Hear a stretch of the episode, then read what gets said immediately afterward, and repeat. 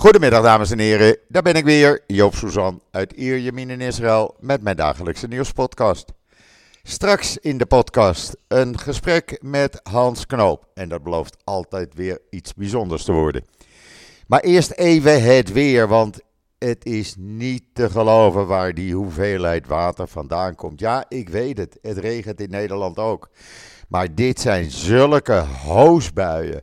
Alles staat zo langzamerhand onder water. De tuin bij ons, ja, het is gewoon één watermassa aan het worden eh, rond het gebouw. Gisteravond enorme hoosbuien. Vannacht en vanmorgen, het is nu eventjes droog. Het is een graad of 15, 16. Eh, men zegt, men zegt, na woensdag wordt het beter. Nou, we gaan het afwachten en meemaken. Maar dit is niet normaal. Echt niet. Uh, er is uh, in uh, mijn regio in twee dagen tijd iets van 130, 100, nee, wat zeg ik? 180 mm water gevallen. Moet ik het wel goed zeggen? 180 mm in 48 uur. Dat is echt een enorme watermassa. Maar goed, het is niet anders. Ik kan het ook niet veranderen en we moeten ermee uh, leven, zoals ze zeggen. Maar leuk is anders. Maar goed, dan het nieuws. Want er is natuurlijk wel wat nieuws hier uh, aan de hand. Ten eerste in israelnieuws.nl. Daar heb ik gistermiddag nog een uh, analyse van NGO Monitor neergezet. Die heb ik gewoon vertaald, letterlijk, en gewoon overgenomen en dat gaat over uh, die Nederlandse rechtbank, die uh, blindelings die claims uh, over die F-35 hebben goedgekeurd. Nou, zij geven in die analyse prima weer waarom dat onjuist is en waarom dat helemaal een verkeerde uitspraak is geweest. Met alle links erbij. De vier NGO's die dit aanhangig hebben gemaakt: Oxfam Novib, Pax, The Rights Forum en Amnesty natuurlijk niet te vergeten. Uh, ze leggen dat haar fijn uit. Ik, uh, ik vond het zo interessant dat ik tegen ze heb gezegd: oké, niemand wil het uh, publiceren in Nederland. Ik publiceer het wel. Hopelijk verspreid, verspreiden jullie het. En dan varen wel tegen bedorven groenten en fruit. Onderzoekers van de Bar Ilan Universiteit die hebben de uh, methode gevonden om de houdbaarheid van fruit en groenten te verlengen. Aardbeien bijvoorbeeld 15 dagen langer goed. Moet je maar even lezen. Hartstikke interessant, daar hoef je niks meer weg te gooien. En onderzoekers van de Bar Ilan Universiteit, jawel, ik keek er even van op, maar testicles hebben zij in het laboratorium weten te maken. Ook dat wordt eh, laboratoriumwerk, zullen we maar zeggen. Voorlopig nog van dieren. Maar eh, ja, eh, daar gaan ze natuurlijk niet mee stoppen.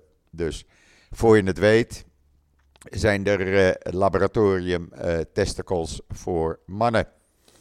Nou, daar gaat het lol, zullen we maar zeggen. Eh, ook dat artikel heb ik vertaald en in Israël Nieuws neergezet. Ook kan je de volledige toespraak van premier Netanyahu lezen, die hij gisteravond uh, heeft gegeven voor de gezamenlijke organisatie, Joodse organisaties uit Amerika. Waarbij hij van alles en nog wat uh, beweert. Ik ga daar niet over discussiëren, daar moet je zelf maar uh, je oordeel over vellen. En gisteravond heb ik online gezet, en dat is wel belangrijk want er wordt een heleboel gezegd in Nederland. Wat, uh, uh, wat doet de IDF in dat Nasser ziekenhuis? Nou, dat kan je lezen en zien. En op video en op foto's in israelnieuws.nl. En op uh, mijn YouTube-kanaal. Want men heeft ten eerste auto's gevonden die op 7 oktober uit de kibbutzim in Israël waren gestolen. Men heeft auto's gevonden op dat terrein, op dat Nasser ziekenhuisterrein. Auto's gevonden van terroristen vol met explosieven en uh, wapentuig en munitie. En het allerbelangrijkste misschien wel. Men heeft ongebruikte medicijnen gevonden die bestemd waren voor de gegijzelde Israëli's. Die zijn niet aan ze afgegeven. Etiket met naam staat, uh, kan je zien. Er is een uh, video van ruim drie minuten waarin uitgelegd wordt welke medicijnen voor welke gijzelaars zijn. Uh, ze zitten gewoon in de medicijnkast in dat Nasser ziekenhuis. Ze zijn nooit aan de gijzelaars gegeven. Dat betekent dat mogelijk gijzelaars daardoor zijn overleden. Dat weet je dus gewoon niet. En dat is natuurlijk een levensgevaarlijke ontwikkeling. En daarom is het goed dat uh, de IDF in dat Nasser ziekenhuis aan de gang is. Heus, ze doen niks tegen die patiënten. Maar ze halen wel de, terreur, uh, uh, de terroristen eruit en de terreurcellen. Want het barst ervan. Wapentuig, het barst ervan. Het is gewoon een commandopost van de Hamas terreurbeweging. En dan kan elke krant en elke media en wie dan ook in Nederland zeggen: de IDF hoort daar niet. Sorry. Dit bewijst dat de IDF daar wel degelijk hoort en dat ze wel degelijk weten waarom ze daar naartoe zijn gegaan. Men gaat er ook vanuit dat die de gijzelaars ergens in de buurt moeten zitten. Maar voorlopig gaat men Rafa nog niet in. Men heeft een ultimatum gesteld. Voor de Ramadan, die rond 10 maart begint, moeten de gijzelaars vrij zijn. Zo niet, dan wordt Rafa binnengetrokken.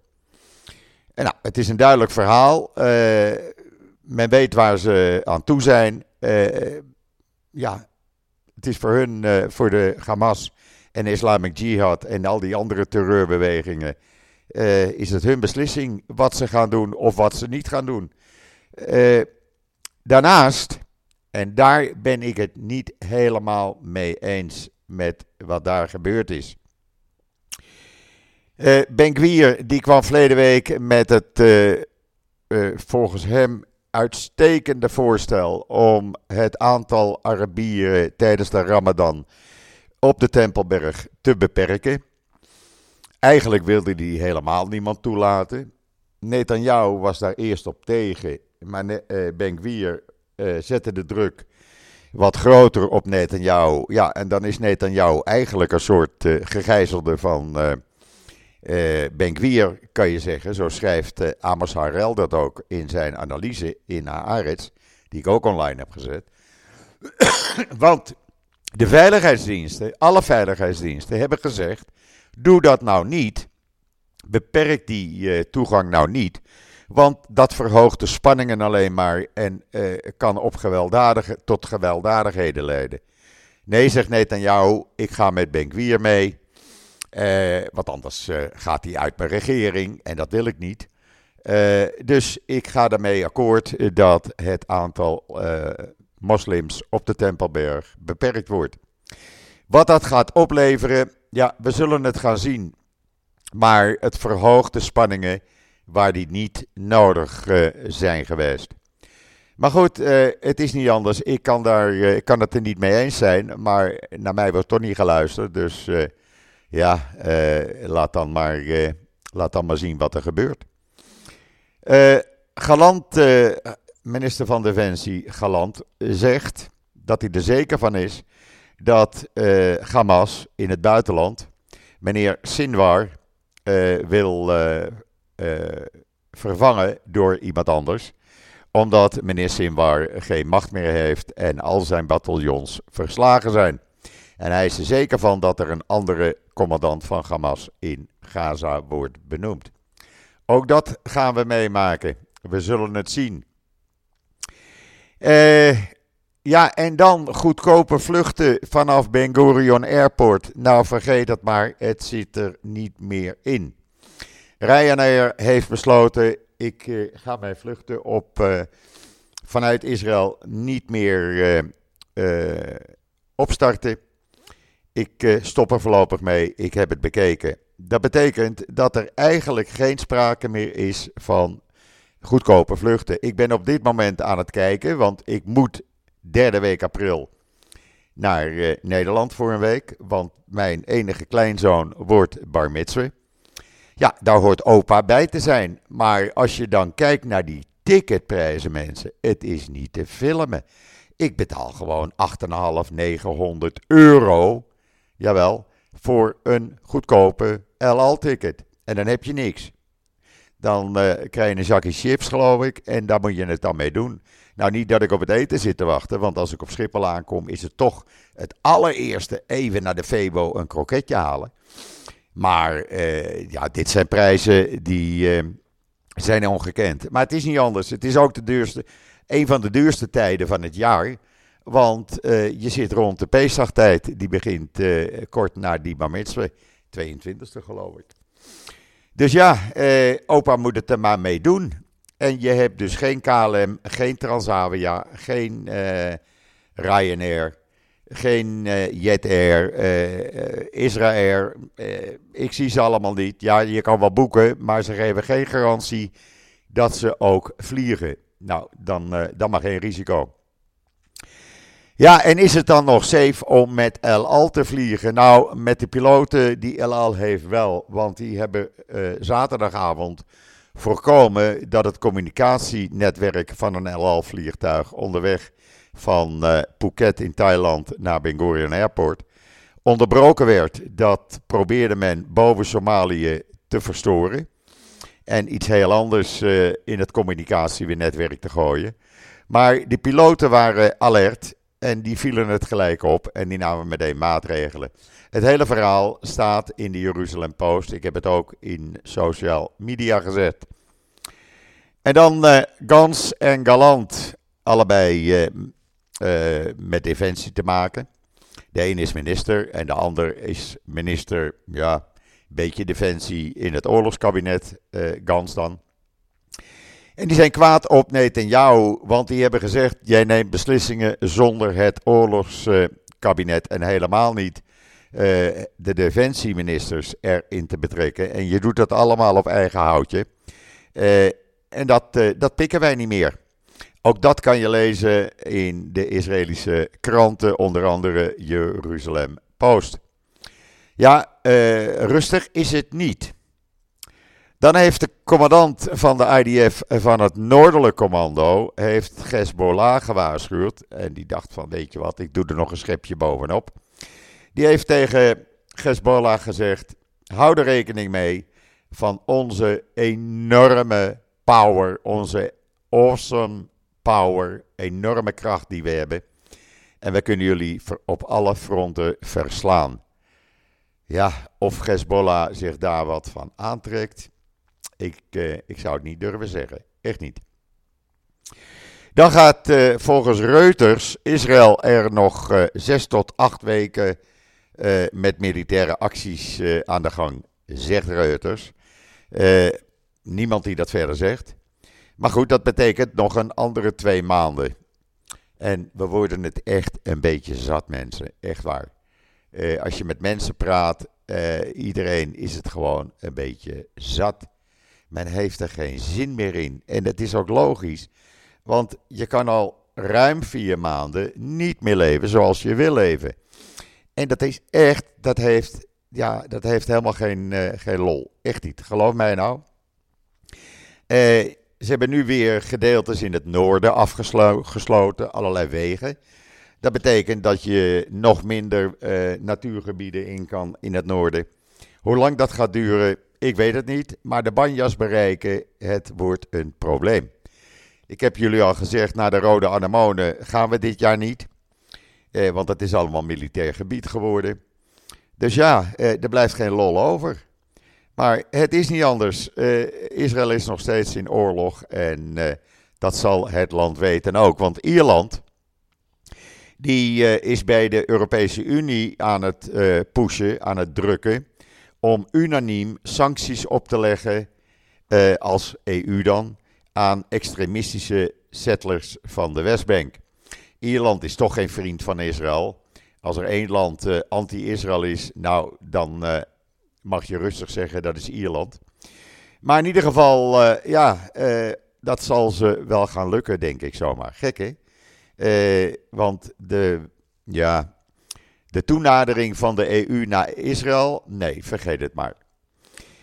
En dan heeft Hamas voor het eerst gezegd dat ze terroristen verloren hebben. Jawel, Ze zeggen er zijn 6000, van al die burgers zijn 6000 uh, terroristen.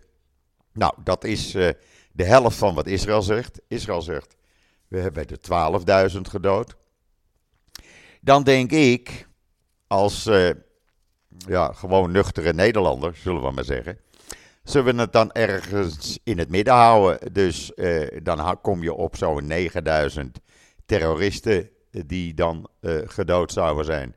9000 van al die burgerslachtoffers die ze beweren te hebben verloren nu. Dan wordt er in Marif gewaarschuwd voor allerlei infecties die in Gaza uh, rondgaan. En die de zwakke, hele zwakke gijzelaars zouden kunnen raken en zouden kunnen doden. Ook dat verhaal kan je lezen in de Jeruzalem Post. En dan uh, Raouf Leraar, die heeft op, uh, ik heb het geretweet, op Twitter, een, of X heet dat dan tegenwoordig, een heel goede uitleg gegeven over ja, de druk op Israël die wordt groter met die invasie van Rafah mogelijk binnenkort.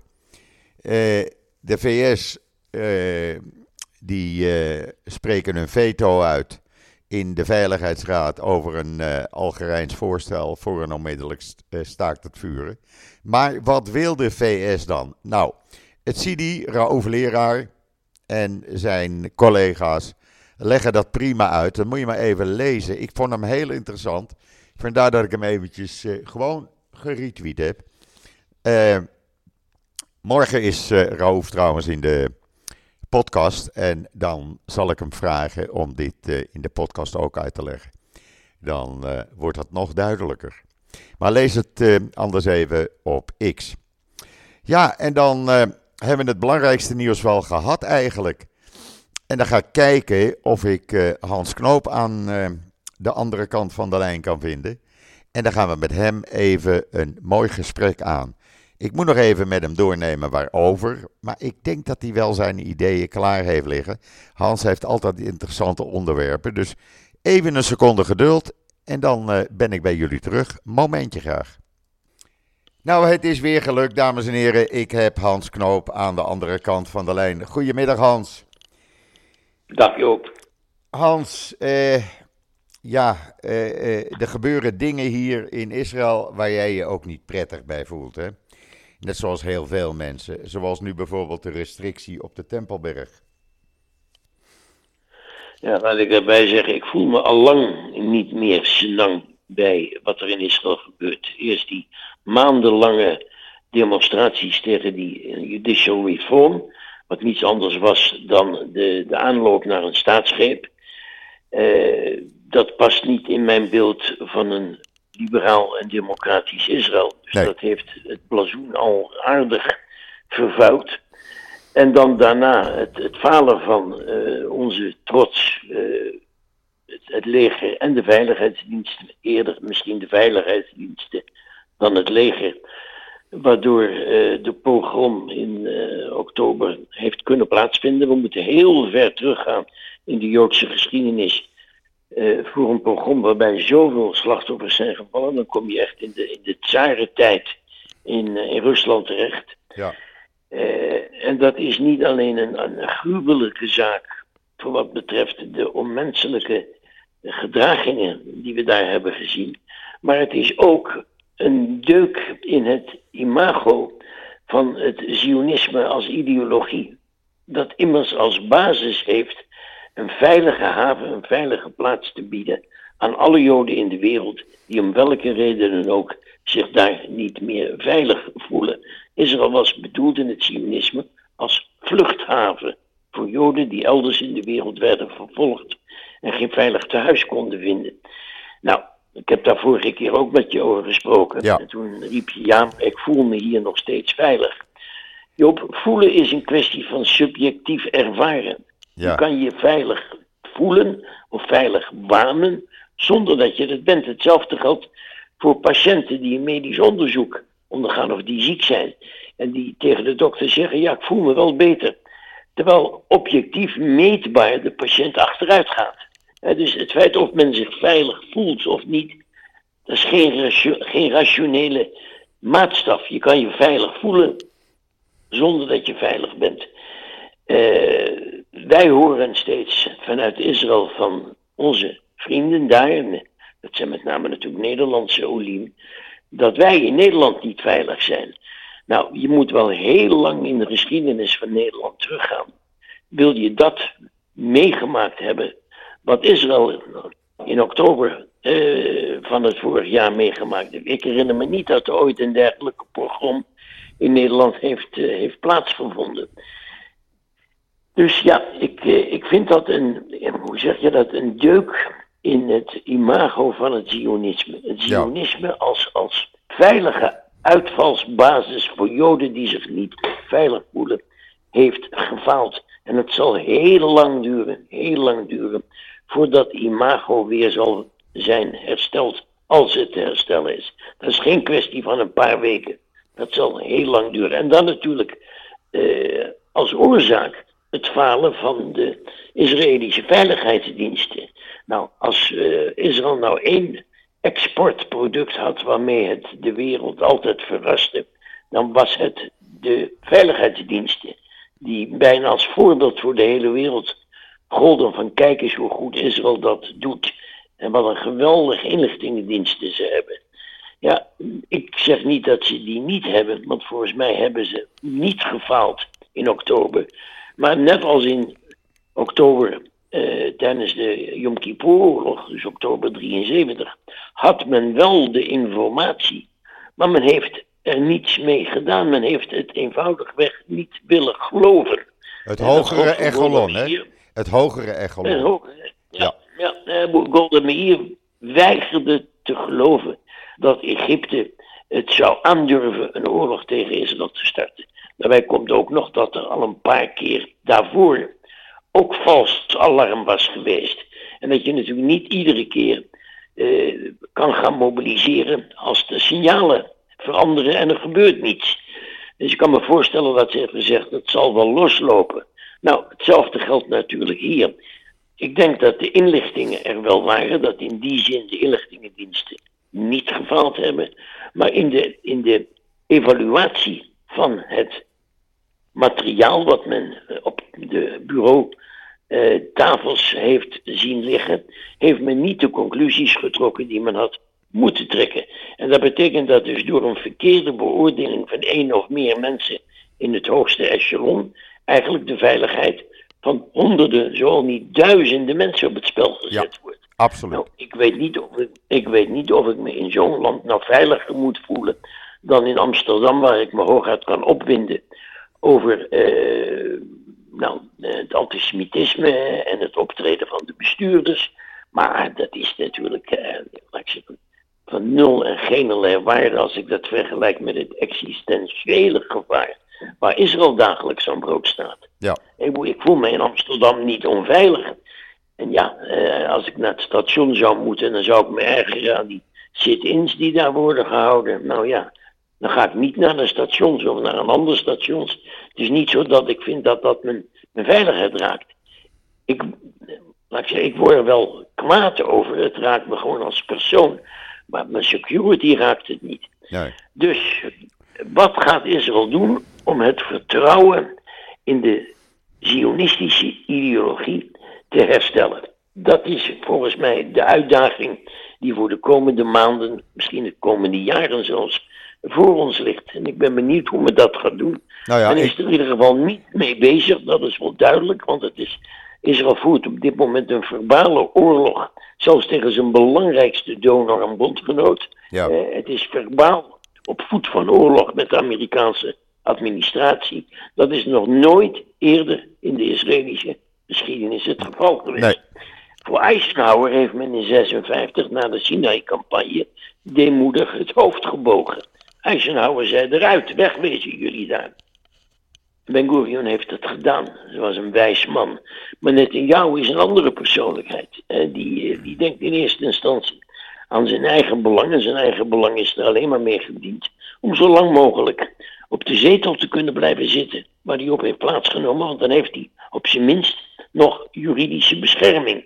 En die bescherming valt weg als hij gewoon een ambteloos burger is. Dus het gruwelijke is dat het, het persoonlijk belang van meneer Netanyahu op dit moment alle andere echte belangen overschaduwt. Nou, daar is iedereen het over eens, zo langzamerhand hier. Want de demonstraties. niks. Nou, de demonstraties worden niks. groter en groter. Nee, deze regering eh, die blijft doorgaan met wat ze aan het doen zijn. Het was ook deze regering, en er zullen misschien mensen eh, kwaad op mij worden. Maar het was ook een, een, een, ja, laten we zeggen, rond 7 oktober. Een politiek verhaal. eh, waardoor men tegen die eh, meisjes die waarnamen wat er gebeurde in Gaza. En daarvoor Ja. waarschuwde. Waar, eh, dat men die op een gegeven ogenblik bedreigde met rechtszaken. Als je nou niet stopt, dan slepen we je voor de krijgsraad. Ja, eh, Ja. sorry. eh, het werd waargenomen en men deed er politiek totaal niets mee. Niets mee. Nee, nee. maar Israël heeft wel vaker eh, dreigementen geuit tegen, nou laat ik zeggen, tegen dwarsliggers, tegen burgers, Israëlische burgers, die, die ze als een, ja, hoe noem je dat, bijna als een, een, een vijand van de staat zagen. Ik bedoel, het is niet mijn favoriete journalist, maar eh, mensen als eh, Gideon Levy van Haaretz, die moet net als Wilders in Nederland zijn leven eh, lang politie, veiligheidsbescherming hebben als hij op straat loopt, want anders dan wordt hij aangevallen Ja, door, door rechtse Israëli's die hem bespugen. Die intimidatie, die kent Israël al, al heel lang. ja, En ook die meisjes die waarschuwden voor wat er dreigde te gebeuren, die meisjes waren oren en ogen van Israël. ja. En Israël was niet gediend met een verhaal dat op dat moment niet paste in het beeld. Ja, zo gaat dat. Ik bedoel, dat zijn tendensen van een totalitaire staat in wording. Ik zeg niet dat het een totalitaire staat is, Nee. maar dit soort dingen zijn symptomen die horen bij totalitaire staten. Ja, En eh, dat zie ik, eh, dat zie ik steeds, eh, steeds vaker. Kijk eens hoe die soldaten worden geïntimideerd van Breaking the Silence. Dat, zijn helden. Dat zijn Israëlische Navalny's bijna. Die durven aan plein publiek te roepen wat er in hun ogen verkeerd is aan het Israëlisch beleid en met name in de omgang met Palestijnen. En dat zijn geen dienstweigeraars, dat zijn mensen die normaal in dienst gezeten hebben, vaak ook officieren, die zeggen: wij houden onze mond niet, het is onze taak de wereld en zeker onze eigen mensen in Israël te vertellen wat wij daar doen in die gebieden. Maar ze staan onder zware, zware verdenking. Ze worden dagelijks geïntimideerd. ja. Ja, ik vind dat, ik vind dat eh, vreselijke tendensen die mij geenszins bevallen en die al enkele jaren sluimeren. Het is Ja. niet nieuw, hè? Nee, nee, nee, nee. Maar ja, we hebben helemaal dat probleem nu er deze week, eh, of vandaag, een week van hoorzittingen is gestart in Den Haag bij het Internationaal Gerechtshof. Over Ja. de, de zogenaamde bezetting van de Westbank door Israël. Eh, Ja. En dat is natuurlijk iets waar Israël helemaal niet blij mee moet zijn. Maar men doet er weinig mee. Ik weet niet eens of men vertegenwoordigers heeft gestuurd. In ieder geval, het is een ontwikkeling waar ik niet blij mee ben. Echt niet. maar dat hele, dat hele Haagse gebeuren met betrekking tot Israël is natuurlijk ook, ook één groot fiasco van de zijde van Israël. Waarom heeft verdomme Israël tot op de dag van vandaag geweigerd het internationaal strafhof te erkennen?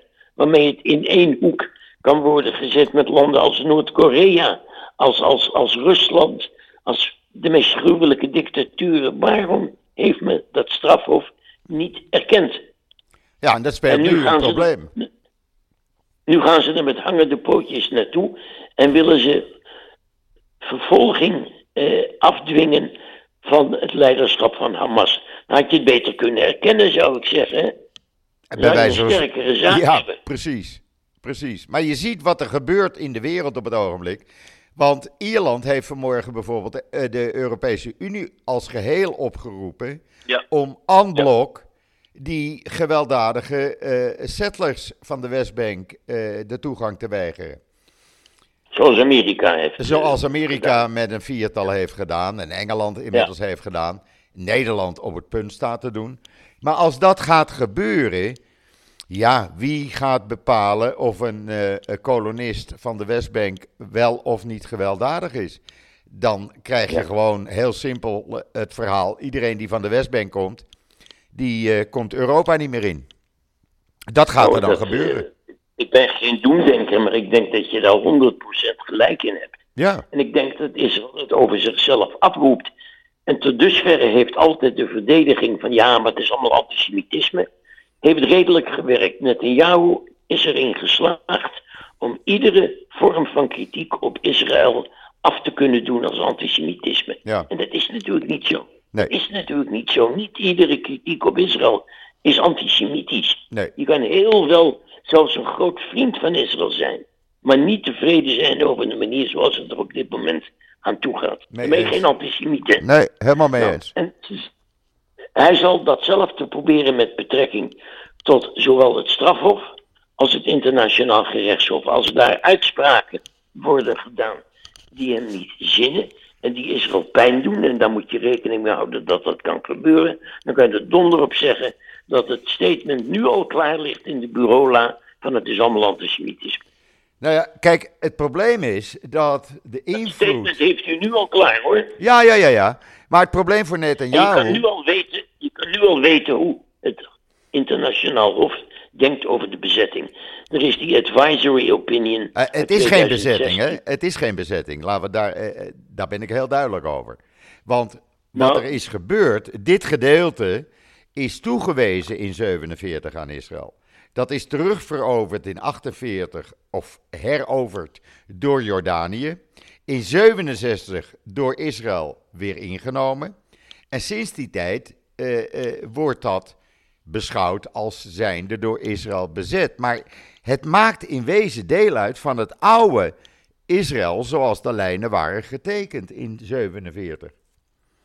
Ja, oké, maar dat is verworpen en bestaat niet meer. En daarbij gaat het er niet om wat het is, maar hoe het wordt bestuurd. Joop, het wordt bestuurd door Israël als bezet gebied. Israël heeft enkele jaren geleden de vierde Geneefse conventie, en die gaat over de bezetting van gebieden, toegepast op de westelijke Jordaanoever. Het heeft eh, verklaard, wij besturen het gebied als zijnde bezet. Ja. Dus er is geen burgerlijke, geen burgerlijke rechter, er is een militaire rechter, er zijn een heleboel dingen, maar bij die bezetting, conform de Geneefse conventie, zijn er ook verplichtingen jegens de burgerbevolking hoe je je moet gedragen. Ja, nou, daar wordt de, daar wordt de hand mee gelicht. Of het bezet, of het volkenrechtelijk en historisch gezien nou bezet is of niet, is een interessante vraag voor een, laat ik zeggen, een, discussie onder historici. Maar waar het om gaat is tachels de werkelijkheid van iedere dag. Israël bestuurt het gebied als zijnde bezet. Dat heeft het zelf verklaard door de vierde Geneefse conventie van toepassing te verklaren. En hoe het Hof, het internationaal gerechtshof er tegenaan kijkt, dat weten we al. Er hoeft geen nieuwe uitspraak te komen, want er is in 2016 een advisory opinion van het Hof geweest, die een oordeel heeft moeten vellen over de rechtmatigheid van de veiligheidsmuur. Dat herinner je je nog? Ja, Eh, die veiligheidsmuur die deels eh, dwars door bezet gebied loopt. Ja. En die niet alleen Israëli's, Joden van, van Palestijnen scheidt, maar ook Palestijnen van Palestijnen. Het scheidt niet alleen de twee bevolkingsgroepen, maar het loopt ook dwars door de bevolkingsgroepen heen. Daar heeft eh, de, het, het internationaal gerechtshof in 2016 al van gezegd dat Israël het recht heeft zich te verdedigen, dat die, en dat dat ultiem ook middels een muur mag zijn, maar dat die muur onevenredig veel schade toebrengt aan de belangen van de burgerbevolking, die conform ook weer de Geneefse conventie recht hebben ook op bescherming door de bezetter. heel duidelijk wordt in die uitspraak, in die advisory opinion gesproken over een bezetting. Maar luister, een aap is een aap. Die moeten we geen uh, glamorous, daar moeten we geen glamorous beest van maken. Nee. Het, het gebied is Tachlis feitelijk bezet en wordt door Israël bestuurd als bezet gebied. Een Palestijn die uh, in uh, het Israël van 1967 een misdrijf pleegt, die komt voor de burgerlijke rechter in Israël. En die krijgt alle rechten die in een fatsoenlijk land aan verdachten toekomen. Een Palestijn die op de westelijke Jordaan over een strafbaar feit pleegt, ook al is het geen terrorisme, maar een normaal strafbaar feit pleegt, die komt voor de militaire rechter. Ja. Een compleet ander, compleet ander verhaal. Ja. Dus laten we nou niet, uh, laat ik zeggen, uh, muggenziften over wat iets is. Het is bezet en of het historisch gezien tot Israël behoort, dat is een ander verhaal. Historisch behoorde ook Kuwait tot Irak, Joop. Ja. Er is geen spel. Nou ja, en er, speel, er spelen twee dingen tegen Israël deze week in die, in die hele procedure in Den Haag. Dat is ten eerste uh, uh, het geweld van een aantal kolonisten, wat maar doorgaat. Vanmorgen weer. En waar Israël niets tegen onderneemt. Nee, vanwege de connecties tussen Ben Gvir en Smotrich uh, en deze gewelddadige kolonisten. Dus men treedt er niet tegenop. En ten tweede, men heeft sinds 7 oktober, en dat is toen op 7 oktober uit veiligheid gebeurd, eh, 130.000 legaal in Israël werkende Palestijnen de toegang ontzegd. En iedereen vraagt zich af, moet dat nu nog uh, doorgaan? Want je ziet gewoon wat een nadeel het land daardoor heeft. Men moet nu bouwvakkers ja. uit India halen. De straten worden niet meer schoongemaakt. Ik zweer het je, de straat bij mij, het is één grote bende. Het wordt niet meer schoongemaakt. En dat is door het hele land. Er zijn alle, de bouwvakkers, uh, ze zijn er niet. Dus uh, de, de, de, de bouw van appartementen en, en noem maar op, van alles en nog wat, is maar op halve kracht op dit moment. Ik zie gewoon hijskranen stilstaan, dagenlang, omdat men geen werknemers heeft. Dus het nee. werkt aan alle kanten tegen. Ja, men bijt in zijn eigen start, het is duidelijk. En het vreselijke is dat de, de, de bottomline is waarom gebeurt het? Om meneer Netanyahu nog wat langer bescherming, immuniteit te kunnen bieden. Ja, maar dat snap, ik Benny Gans, dat snap ik Benny Gans ook niet. Want die heeft dan de mogelijkheid om te zeggen: oké, okay, anders stap ik eruit. En dan bekijk je het maar met je regering. Dan maar geen meerderheid. Ja. Ja. Maar dat, doet, ben ik gehoord mee. dat doet Benny Gans niet. Want die is ook blij dat hij een baantje heeft.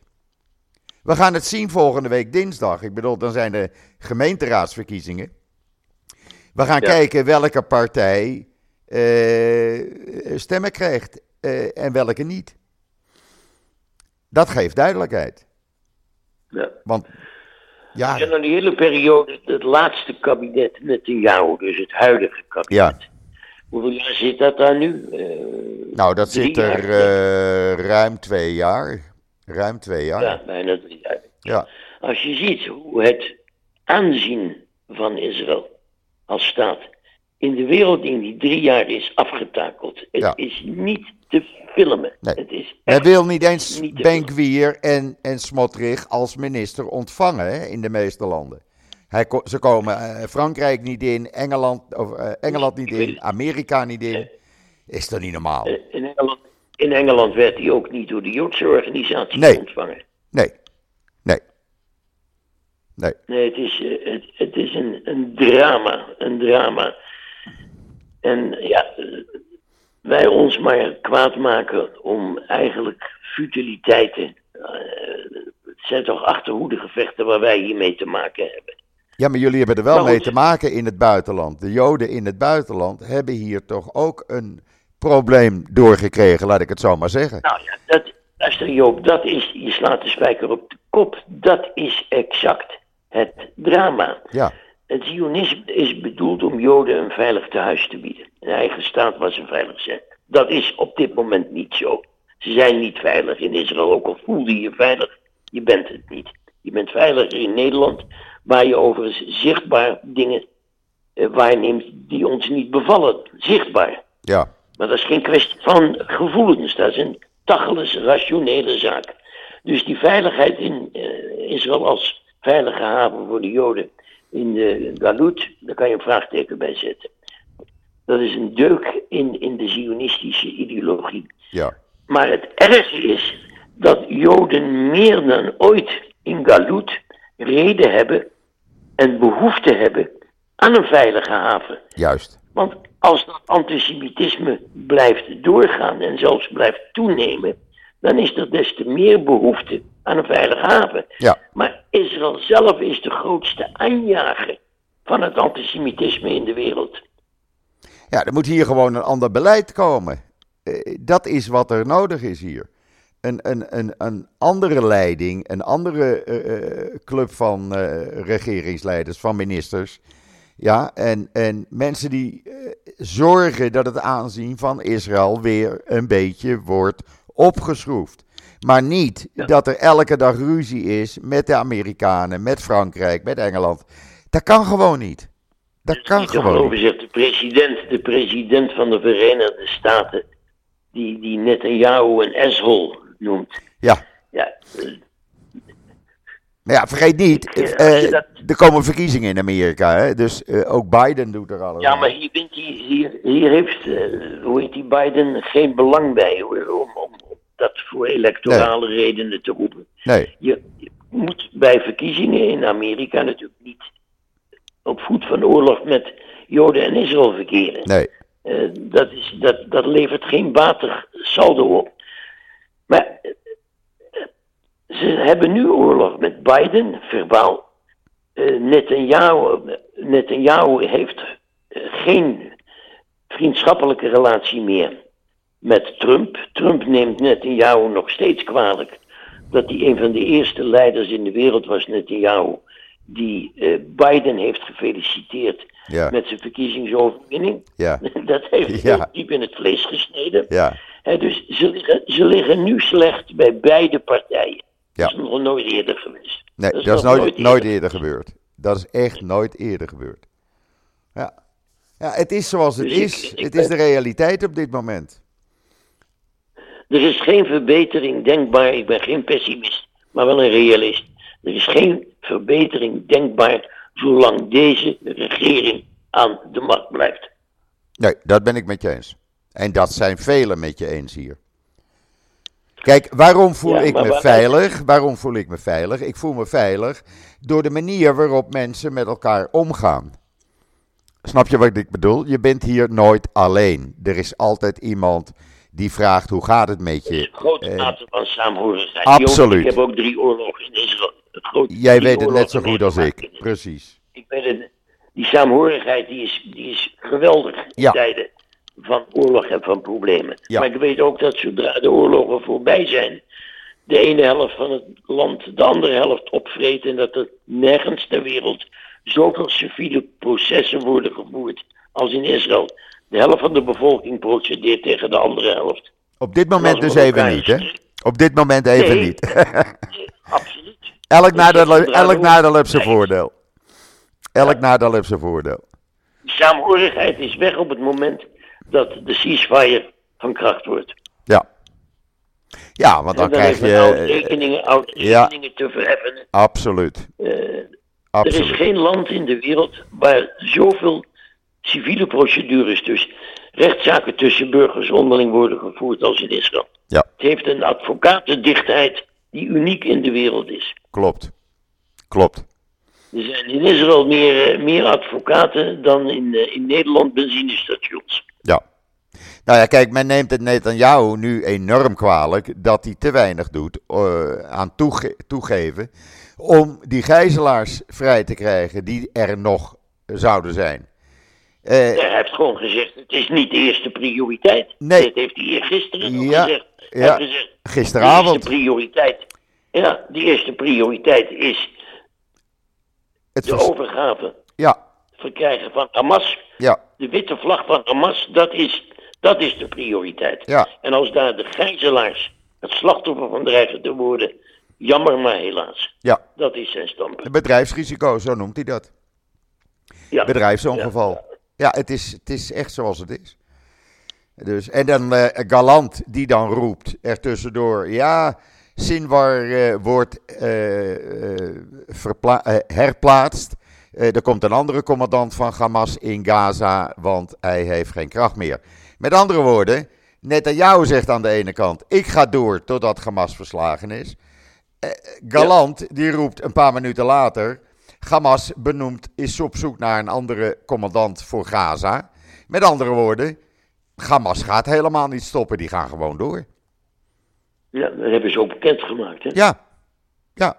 ja. Dus we zijn er voorlopig nog helemaal niet. Echt niet. Het is zo... Nee, nee daarom, uh, daarom las ik uh, dat er nu al geroepen wordt door mensen die denken dat ze daar goed zicht op hebben, dat het nog wel een jaar kan duren.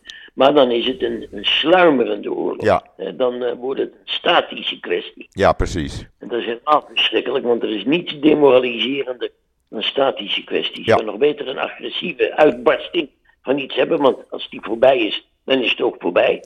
Ja. Maar die sluimerende, uh, je hebt dat toen ook in de, aan, aan het Suezkanaal gezien. Toen had je de War of Attrition, de uitputtingsoorlog.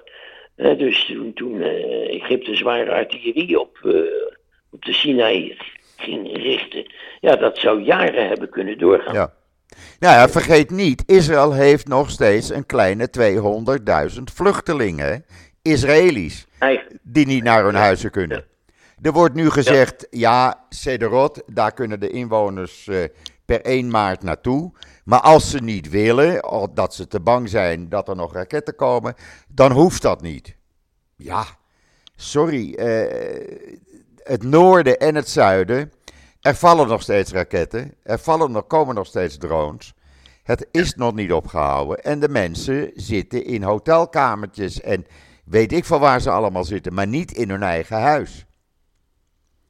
En dat is ook een drama. Dat is ook een drama. Wie had dat, wie had dat 2,5 jaar geleden, toen het een jaar aantrad, wie had dat kunnen bedenken? Dat, is, dat was Mr. Security. Ja. Waar zelfs mijn, mijn, mijn eigen Mishpoger in Haifa op heeft gestemd. Ja. toen ik het ze heb ontraden, was ik me. Hadden we beter Lapid en Bennett kunnen houden. Ja. Echt. Ja. Maar ja, goed. Ja. Hans, wij hebben weer lekker bijgekletst. Mag ik het zo noemen? Ja, dat vind ik ook. Ik denk dat het voor een hele hoop mensen dodelijk is. Trouwe luisteraar van je podcast. Ja, weet ik. Weet ik. Ik probeer er ook eh, diversiteit erin te krijgen. wat meer peper in moet. Ja, nou ja, eh, jij zorgt daarvoor onder andere. Ja, Dus, vind ik eh, nodig. Maar goed, ik, ik, ben, ik ben toch een beetje trots hoor.